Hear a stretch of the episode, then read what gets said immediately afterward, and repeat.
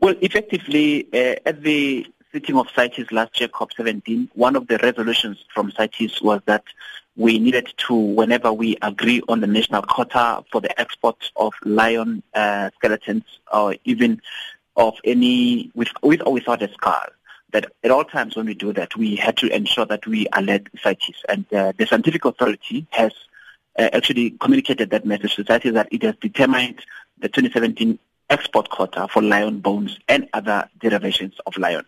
That the quota set is about 800 skeletons uh, set for uh, 2017. This effectively means that uh, the uh, um, Department of Environmental Affairs, working closely with provincial departments, will ensure that at all times the, the, the, quota that's been set is not exceeded at all, which is why it's important to note that uh, the quota will be managed at the national level and that the application will be lost at the provincial level. But at all times, the Environmental Affairs Department, as the national department, will ensure that it monitors the implementation of this particular quota, ensuring that, that there is no way at all that we exceed or even go beyond what has been set by the scientific authority. 800 geteelde leeu's kan volgens die kwota uitgevoer word. Modisi sê hulle bepaal die getal deur middel van wetenskaplike navorsing en in oorleg met vereistes wat by die CITES COP17 vergadering wat in Sandton gehou is, ooreengekom is.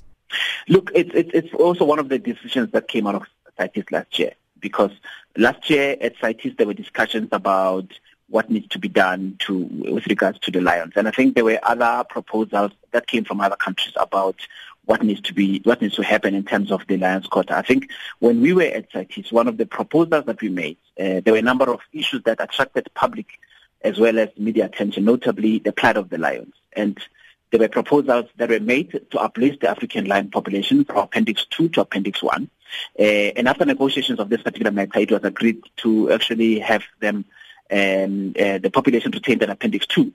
But there were conditions in terms of restrictions on the trade in, bio, in, in bone and uh, the, the selling of lion bones to other countries. And this is why part of the decision was that we need to, uh, at all times, ensure that uh, we, when we communicate, when we decide on a national quota, do it in consultation and in communication with CITES, which is what we've done. Modisi sê hulle is nie bekommerd dat die uitvoer van leeuprodukte 'n tendens gaan skep wat stroopers na Suid-Afrika sal lok nie. Look, the, the scientific authorities set the quota every year. Like uh, the scientific authority set the quota earlier this year about the hunting of leopards.